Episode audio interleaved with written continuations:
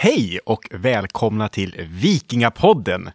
En ny podcast från oss här på The Viking Museum på ön Djurgården i Stockholm i Sverige. Och det här kommer för oss handla om vikingatiden på lite olika sätt och det tror jag att ni kommer förstå under tiden. Men vi som håller det här, det är idag jag, Erik. Och jag, Emma. Och vi jobbar ju här båda två. Med lite olika saker, fast ibland också väldigt samma saker som just nu. Precis. Och i den här serien så kommer vi ju ta upp lite olika delar av vikingatiden från lite olika håll, eller vad man ska säga. Så vi hoppas att i alla fall när en säsong är färdig kommer vi ha en ganska bra övergripande bild av vad vikingatiden var. Och att det borde finnas någonting för alla i det här, eller hur Emma? Ja, men precis. Det är kanske den här podden som kommer få mig att till slut börja tycka om runor. Det, det är mitt mål. Ditt konstanta mål. Så vi hoppas att ni hänger med. Vilken är?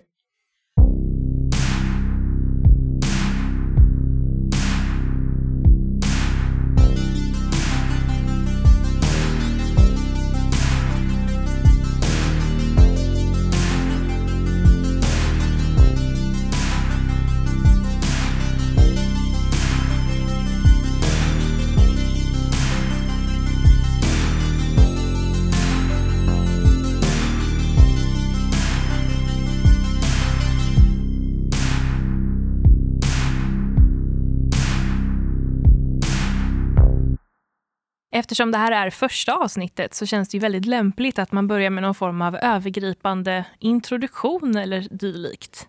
Strålande idé, Emma. Så om man ska börja superenkelt då.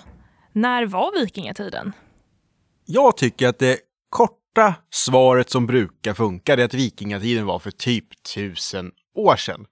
Men om man vill ha något mer exakt svar än så, då beror det också lite på vem man frågar. Och jag som arkeolog, jag tycker väl att man kan säga att vikingatiden började runt år 750. Behöver inte vara en helt tvärt linje. Det är inte så att någon så, gick och la sig nyårsafton år 749 och sen vaknade upp dagen efter och bara oj, det här känns annorlunda. Utan det här går ju stegvis. Eh, men sen om man frågar andra som kanske mer vill ha exakta händelser att göra, då kan man få höra årtalet år 793 också, ibland till och med datumet den 8 juni. Precis. Och vad var det som hände det datumet? Ja, då enligt engelska källor, då är det att en grupp vikingar attackerar klostret Lindisfarn. Och det har varit vikingaattacker innan år 793 också. Och det är ju inte så att nordborna är helt främmande för sin omvärld. Och det är inte heller så att omvärlden inte känner till att det bor folk uppe i Skandinavien. Men att de attackerar det här klostret, det är en så pass stor grej så att det är då det lite grann ger signaler genom resten av Västeuropa att det här, det här är någonting som skulle kunna bli ett problem. Men vikingarna attackerar ju där för att de blir kända och rika. De tar vad de vill ha och sen känner de att nu har vi gjort det vi kom för att göra och de drar hem. Men vi får tänka oss att ett gäng munkar, eller några i alla fall, lyckas fly bort från vikingarna. De kan berätta för andra vad de har varit med om och det här skrivs ner och det är så vi kan läsa om det här då, mer än tusen år senare. Men det här med att man då låter vikingatiden börja med en attack, det är ju då en ganska typisk bild för vad vikingatiden är. Vår bild av vikingen idag i populärkulturen framförallt är ju ofta en krigare som kommer över havet och ställer till med en massa oreda. Och eh, det är förstås sant i vissa fall. Men det är också en sån sak som vi hoppas här i podden att kunna belysa att det finns så många andra delar av vikingatiden också. Men sen är det så att vikingatiden håller ju på i eh, 250-300 år och så kan man då säga att sen att vikingatiden tar slut mellan, ja, där kan man säga allt mellan år 1050 till år 1100 och vissa vill ju återigen ha mer exakta årtal och då är ju ofta årtalet år 1066 som dyker upp. Men, men det är en så pass stor historia, just det tror jag att vi kan återkomma till någon annan gång. Precis. Och det är intressant det du säger att vikingatiden bara varar ungefär 250 år med tanke på att det är en ganska kort tidsspann om man jämför med många andra tidsperioder i Sveriges historia. Och ändå har den fått en sån himla stor spridning. Så en tanke är väl att vi kanske kommer gå igenom varför just den har fått så himla mycket eh, hype Mm. i både populärkulturen, konsthistorien och allt, allt möjligt. Hur kommer det sig att vi sitter på The Viking Museum och inte en annan tidsperiodmuseum? Men precis. Ja. Du hade väl önskat The Vendeltidsmuseum? Det finns tids... Alla tidsperioder behöver ett museum. Väldigt sant. Precis som du säger så börjar ju den här historien i alla fall med ett slag, eller som vissa tror att det börjar med ett slag. Och det blir väl ganska typiskt då med tanke på bilden av de här krigande vikingarna. Men som vi kommer ta upp i andra delen av det här avsnittet så ägnade de väl sig kanske mest åt att vara hemma på gården och se till att vardagen gick runt. Ja, det är så tänker jag. Och det är ju så att de liv som finns på hemmaplan på vikingatiden, de funkar ju inte om 100% av befolkningen åker iväg ut i världen, utan jag tänker att de flesta människor, de är nog hemma och även fast det då är en liten del av befolkningen som kanske åker iväg, så kommer ju det de gör att ha stor påverkan på livet hemma. Det kommer nya influenser, det kommer nya rikedomar, det kan vara någon som åker iväg som en ganska, vad ska jag säga, fattig ung man och kommer hem med helt nya erfarenheter, ny ekonomi och det kan verkligen påverka ett lokalsamhälle. Så det är det som också gör, tror jag, att vikingatiden har blivit så viktig i vår historia. Just att det finns utrymme för så stora förändringar. Och det blir ju verkligen vägen från förhistoria in i medeltiden. Det tror jag är viktigt. Det är väldigt viktigt. Men en av de kanske viktigaste sakerna, eller de mest iögonfallande sakerna som jag tänkte vi kunde börja med, det är det väldigt uppenbara namnet viking. Mm. För det heter ju vikingatid Japp. och de som levde på vikingatiden säger man ju är vikingar. Men eh, det stämmer ju inte riktigt. Nej, utan om vi hade en tidsmaskin och så åker vi till första bästa by på vikingatiden och säger tjena, är ni sådana här vikingar? Då kanske de faktiskt skulle kunna känna sig lite, lite kränkta till och med. För på vikingatiden så används ordet viking framförallt om vad vi skulle kanske tycka är sjörövare. Så folk som far iväg och krigar och plundrar. Och det finns faktiskt en runsten som är rest efter en person i Sverige som har skyddat mot vikingar. Så vikingar verkar kunna vara ett problem även här i Skandinavien. Precis, så man skulle ju nästan kunna säga att viking är lika mycket en titel som bonde eller smed. Där har vi en gammal, en eh, före detta, var det du som myntade det? Just det, att ordet viking är lite grann som ordet turist. Det är du som myntade det! Det var Ja! jag. Eh, och då kan du ju få dra det. Ja, nej precis så brukar jag ju säga att jag brukar likställa ordet viking med ordet turist. För att är du iväg på semester idag så räknas du ju som en turist. Och på vikingatiden åkte du iväg av något skäl. Då var du viking. Men när du kom hem igen så är du ju bonde eller vad du nu var innan du åkte. Och det är ju så också att ordet viking används ju också som just någonting man gör, att man drar i viking.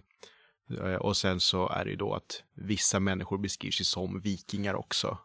Så ja, nej men och det, det tycker jag är ganska lustigt hur det har blivit så här. Det kan vi väl tacka 1800-talet för. Ja, men precis. Och det är ju en väldigt lång historia med hela nationalromantiken som vi säkerligen kommer kunna ta upp i ett annat avsnitt. Mm.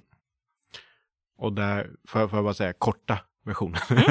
ja, nej, men det är ju Erik Geijer som skriver dikten Vikingen som lite grann återinför ordet viking i de moderna språken. Och eh, i princip sedan dess så prat, börjar man prata då om vikingar som att alla då var vikingar och det där i krokarna också som konceptet vikingatid börjar användas. Ja, precis. Men nu när vi ändå har fått någon form av klarhet i namnet viking så kan man ju fundera på vart kom vikingarna ifrån? För vi är ju ett museum här i Stockholm och när folk kommer hit så säger de ofta åh, svenska vikingar. Men vikingarna kommer ju inte bara från Sverige utan de kommer ju från fler länder här i kring. Så Erik, vilka länder kan man komma ifrån och kalla sig viking?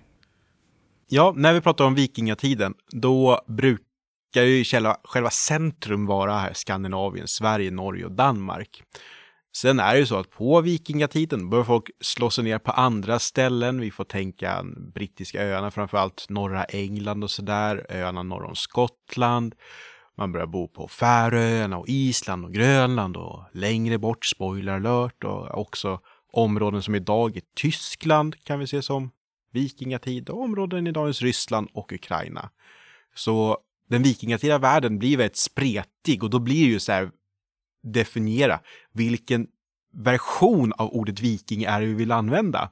Är det så vi använder på 2000-talet, att vikingar de som var på vikingatiden? Eller är det vikingarna som på vikingatiden, de som faktiskt åker ut i världen och bönderna hemma är inte vikingar? Så det blir jätterörigt att reda ut och det tycker jag är jättekul. Precis, och det tycker ju jag med. Men Emma, när vi då pratat om de här vikingarna som far ut i världen. Vad, vad, tycker du om det här ordet viking? Vad, vad, vad skrev det för påhitt? Ja, och det kan man ju fundera på. Och det finns ju en hel del olika teorier och tankar om varför det ordet blev just som det blev. Men en tanke är ju att ordet viking just kommer från ordet vik. För att vikingarna då, ja, men, kom från viken. Eller vad man ska säga. Och det är väl en ganska utbredd teori om hur det skulle kunna, hur det namnet skulle kunna ha uppkommit. Mm. Och sen då har jag ju haft en gammal föreläsare och han sa ju det att då, vad är det då som skiljer just vikingarna från alla andra som hade sina båtar inne i vikarna och så de som någon slags motargument.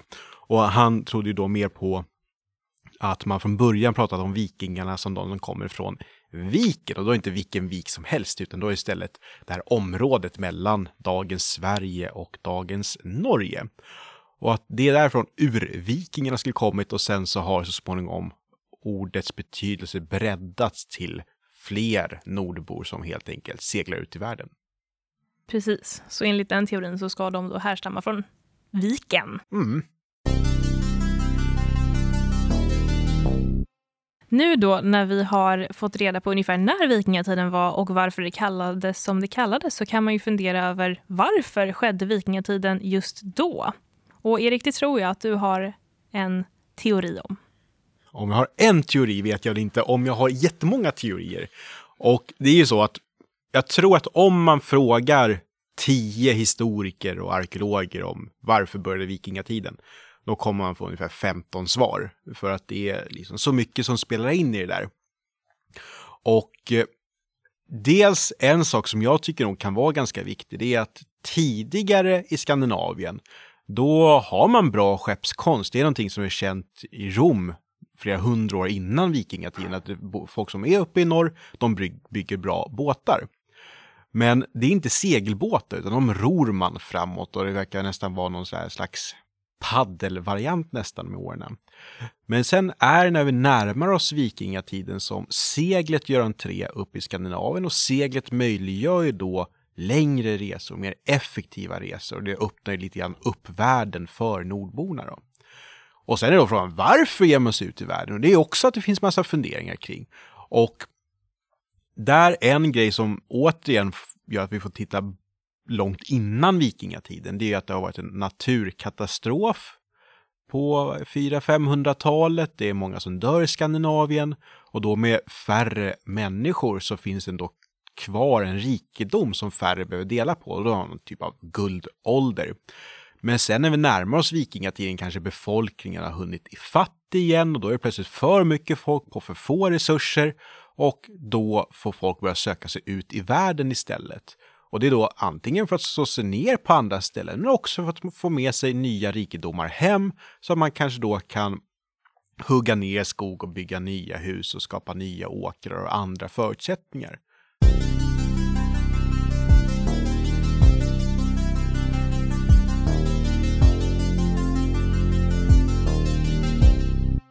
Men då har vi pratat lite grann om vikingatiden och resorna ut i världen. Men som Emma sa här innan så är det ju så att de, de allra flesta är ju inte ute på äventyr, utan det är ju på hemmaplan själva vikingatiden händer. Och Emma, vad är det vi har att göra med då? Jo, då är det ju egentligen alla som är kvar hemma på gården och all deras arbete ligger ju faktiskt till grund för de få som faktiskt tar sig iväg på vikingatåg. Och det kan ju innebära allt från att odla mat, eh, ta hand om djuren så att man i förlängningen då kan eh, ta tillvara av ullen som då, om man ska dra det så långt, egentligen är grunden till seglen. Så faktiskt så hade de ju aldrig kunnat åka iväg på vikingatåg utan de där som faktiskt är hemma på gården. Och på vikingatiden så bor man ju oftast i, vad ska man säga, nästan som storfamiljer. Där alla får dra sitt strå till stacken. Och egentligen så är det väl väldigt mycket som ett vardagsliv. De arbetar väldigt hårt för att kunna få ja, livet att gå runt med allt vad det innebär. Det är mat och det är djur och det är bygga hus och förbereda sig om det nu skulle vara så att de ska åka på vikingatåg. Men majoriteten gjorde ju faktiskt inte det. Och sen också är det bara att förbereda sig för vintern. Att mycket av, som du säger, det handlar om att det ska kunna rulla på. Och vintrarna, alltså det finns säkert mildare vintrar och hårdare vintrar, men det är inte då man kan då fylla på förråden. Utan en stor del av året går ut på att faktiskt klara resten också. Och då, jag vill ju såklart romantisera och tänka åh, vikingavinter, berätta sagor för varandra. Men det är förstås helt andra utmaningar man ställs inför då också. Ja, precis. För att även om vintrarna kanske inte var det kallaste i mannaminne så är det ju väldigt knepigt förstås att kunna odla och ha djur under vintern. Så egentligen skulle man kunna säga att det de jobbar för hela året är ju att ta sig igenom vintern för att sedan börja om igen. Mm. Men du var inne på några av de saker man kan göra hemma, ta hand om djuren och bara en sån sak att det finns ju olika sätt att ta hand om djuren. Det är ju då vi får tänka både trälar och yngre människor som säkert ska vara ute i landskapet med djuren, se till att de inte försvinner allt för långt bort, kunna samla in dem. Någon som vet hur man kanske bäst mjölkar en ko, hur man, vad, vad de ska äta för någonting för att må bra. Liksom bara ha koll på det där och sen bara matlagning, hela det kör som du var inne på också. Spinna tråd, göra textilier, skapa krukor. Eh, och säkert smedjor och sådär också. Vissa gårdar kanske haft någon typ av bara vardagssmide medan det finns andra gårdar som verkligen riktar in sig på att vara duktiga smeder. Så det byggs upp ett helt samhälle på vikingatiden. Att den här barbarvikingatiden vi gärna ser, den finns ju inte utan det är ju olika grupper som du säger också drar sitt strå till stacken. Och ofta så kan man ju se det som att de bor i ja, men ungefär som stora familjer. Och då kanske det inte är så som vi tänker en familj idag, att det är föräldrar och barn, utan det är ju även andra släktingar. Trälarna bor tillsammans på gården, så de kan vara ganska stora eh, familjer eller ganska stora grupper som bor ihop. Och sen just det där att det kanske inte är det vi tänker oss så man bor idag. Men sen finns det ju andra saker i sätt som gör att man absolut kan känna igen livet idag. Att det finns familjer där eh, de vuxna skiljer sig och så blir det halvsyskon och blir eh, styvföräldrar och grejer. Så på så vis är det också ett ganska modernt sätt att se på familjen, vilket jag också tycker är intressant. Ja, men så... verkligen. Det är ju väldigt spännande och ja. jag tror att de olika familjekonstellationerna och hur det kan se ut är ett superspännande ämne som vi tycker jättemycket om. Mm. Och det kommer vi vilja prata om i ett annat avsnitt lite längre fram. Mm. Som du var inne på förut, Erik, så är det ju så att när de åker iväg, både på, för plunder och för handel, så kommer de ju hem med en hel del nya kulturer. De kan komma hem med ny mat, nya varor, lite allt möjligt. Och jag tänkte att vi ska prata lite mer om det där med handel. Mm. Det är ju en spännande del som också gärna hamnar i skuggan av just den våldsamma resan som du var inne på. Och det vikingatidens människor vill få tag på ute i världen, det kan ju vara exklusiva varor, det kan vara fina smycken, det kan vara silver och bara så här skrytsaker att ta sig hem. Men också användbara saker, krukor, glas, glas dels att dricka ur men också glas att göra egna glaspärlor av. Men också fina tyger och textilier av olika slag. Men sen så är det så att det ganska lätt kan jag känna ibland att komma på, ja men det är klart att vikingatidens människor, de åka iväg och få de här snygga, coola grejerna. Men varför skulle någon annan vilja bedriva handel med dem? Här uppe finns det ju liksom gran, berg och snö, väldigt svåra handelsvaror och sådär. Men det vikingatidens människor har tagit med sig ut i världen, det kan vara hantverk, det kan vara järn av hög kvalitet, det är eftertraktat. Det kan vara djurpälsar. Vill man ha en snygg och varm päls, då ska det vara ett djur som lever där det är kallt och det får vi liksom uppifrån norr. Och det är också då samernas varor som arbetas ut i världen. Samma sak med hornvaror, alltså hornhantverk är också sånt som kan ta sig vidare ut i världen. Men sen så kanske den största och viktigaste rent ekonomiskt handelsvaran, det är då trälar, alltså slavhandeln på vikingatiden. Och det är en sån sak vi kanske inte alls vill känna oss vid när vi pratar om historia. Men det, det, finns där och det är jätteviktigt att komma ihåg det. Och det vikingatida samhället kan knappt fungera utan de här förslavade människorna heller. Nej, precis. Och vad är det du, du brukar säga, Erik? Ungefär hur stor procentsats tänker man var trälar under vikingatiden? Ja, och där, vi har ju inte då någon strålande vikingatida källa. Däremot om man kikar på tidig medeltid, då ska det finnas någon jag tror en lagtext från Norge och där är de inne på att det skulle kunna vara att en fjärdedel, alltså 25 procent av befolkningen är ofria människor. Precis, och det är ju en hel del människor som mm. ofta eh, människor inte pratar eller ens vet så mycket om. Mm. Och en vanlig eh, fråga är ju att folk, ja, men folk tänker ju att trälarna då ofta kommer långt bort ifrån. Att människorna på vikingatiden har varit där och hämtat trälar. Men det är ju faktiskt så att trälar kommer ju faktiskt överallt ifrån, även inhemskt. Mm. Och det kan ju vara att det är liksom generationer av trälar som föds man in i det. Där en sån sak som jag själv inte har läst ursprungskällan till än, men att det ska kunna finnas som en bestraffning.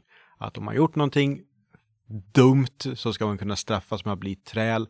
Samma sak också, återigen en källa jag inte lyckas hitta grund till, men att man i princip kunnat välja att bli träl. Vi får tänka en väldigt svår ekonomisk situation. För även fast livet som träl har varit hårt och svårt så är det ändå mat och husrum också. Och det behöver inte nödvändigtvis vara ett bra liv, men det är ett liv i alla fall. Ja, så precis. Det kanske inte var det bästa livet att leva, men för vissa så kanske det ändå var bättre än vad de hade, eller vad deras alternativ var. Och en sak som man kan komma ihåg när det gäller trälar, det är att även om det var ett hårt liv, så finns det ju även en hierarki inom träldomen. Och det är ju så att vissa kunde ju, om man bodde eller jobbade på en större gård, så kanske man var superbra på någonting eller tog hand om djuren eller gjorde någonting väldigt bra. Då kunde man ju även så att säga bossa över andra trälar. Så man blev nästan som en liten minichef, ursäkta ordet. Men man kunde helt enkelt ha olika hierarkier inom trälarna. Så vissa kunde helt enkelt ha mer ansvar och mer mandat att göra vissa saker än andra. Och nu Emma, nu har vi pratat om vikingatiden på ett ganska, ur ett ganska stort perspektiv och ni som lyssnar kanske känner jag vill höra mer om just den där grejen. Och tanken är ju att vi kommer återkomma till antagligen alla de här olika ämnena och fördjupa oss och riktigt gotta in oss i vikingatiden. Men det är den överblick vi tänkte ge idag. Men nu är det dags för en annan sak. Så jag höll på att säga att det här är en ny sak i vår podd, men just nu är allting nytt i vår podd. Men, men vad händer nu, Emma? Jo, då tänkte jag att vi skulle djupdyka lite i någonting speciellt som vi kommer kalla vår vikingaanekdot. Och det är alltså olika ämnen, det kan vara platser, kändisar, allt dylikt som har med vikingatiden att göra. Och här första gången så ska jag faktiskt lämna över ordet till dig, Erik. Och eh, jag har då valt en vikingatida person och jag tänker ta upp honom idag så att Emma slipper det sen, för jag, jag pratar ändå om den här personen nästan hela tiden. Och det är då runristaren Öpir som är min favoritrunristare. Och jag tycker att alla ni som lyssnar, man borde ha en favoritrunristare för det är liksom, det är någonting som är bra i, i livet. Och Öpir, han tillhör liksom slutet av vikingatiden. Han verkar komma igång där mot mitten av 1000-talet. Och då har runristaryrket vuxit fram som någonting som det finns proffs som gör ett tag. För även fast runorna över det här har ju funnits i nästan tusen år, så är det att det blir en runstensboom efter år tusen och det börjar växa fram då lite proffs och det skapas mycket fler runstenar än tidigare.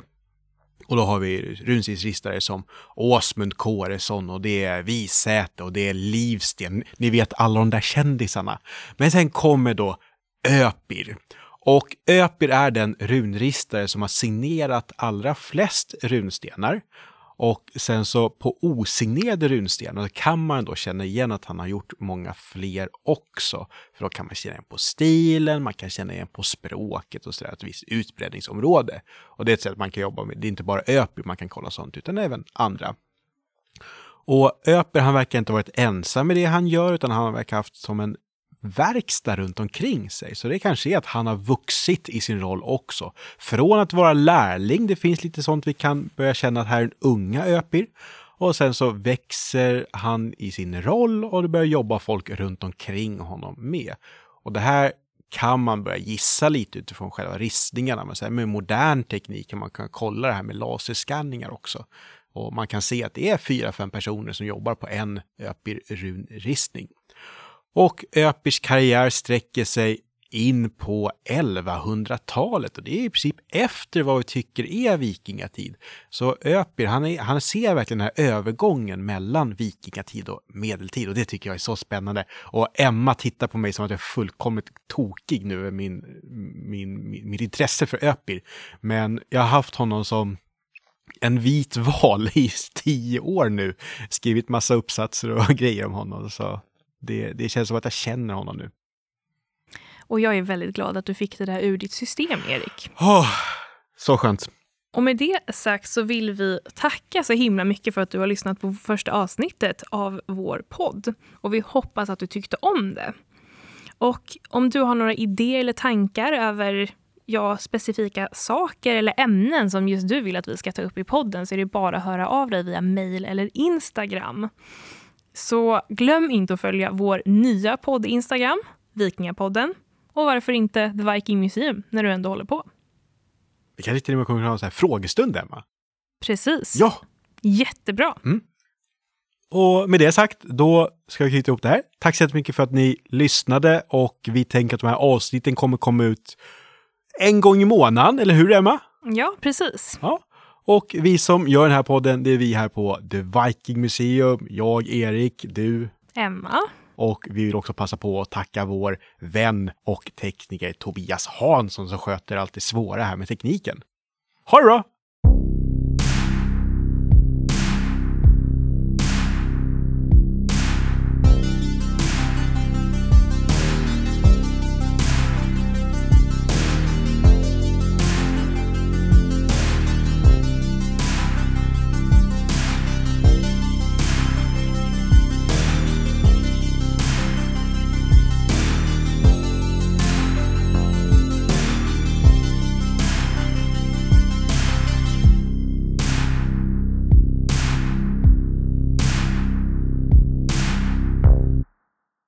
Hör du Emma? Ja. Vet du varför man inte hade brevlådor på vikingatiden? Varför inte? Man ska inte fastna med skägget i dem.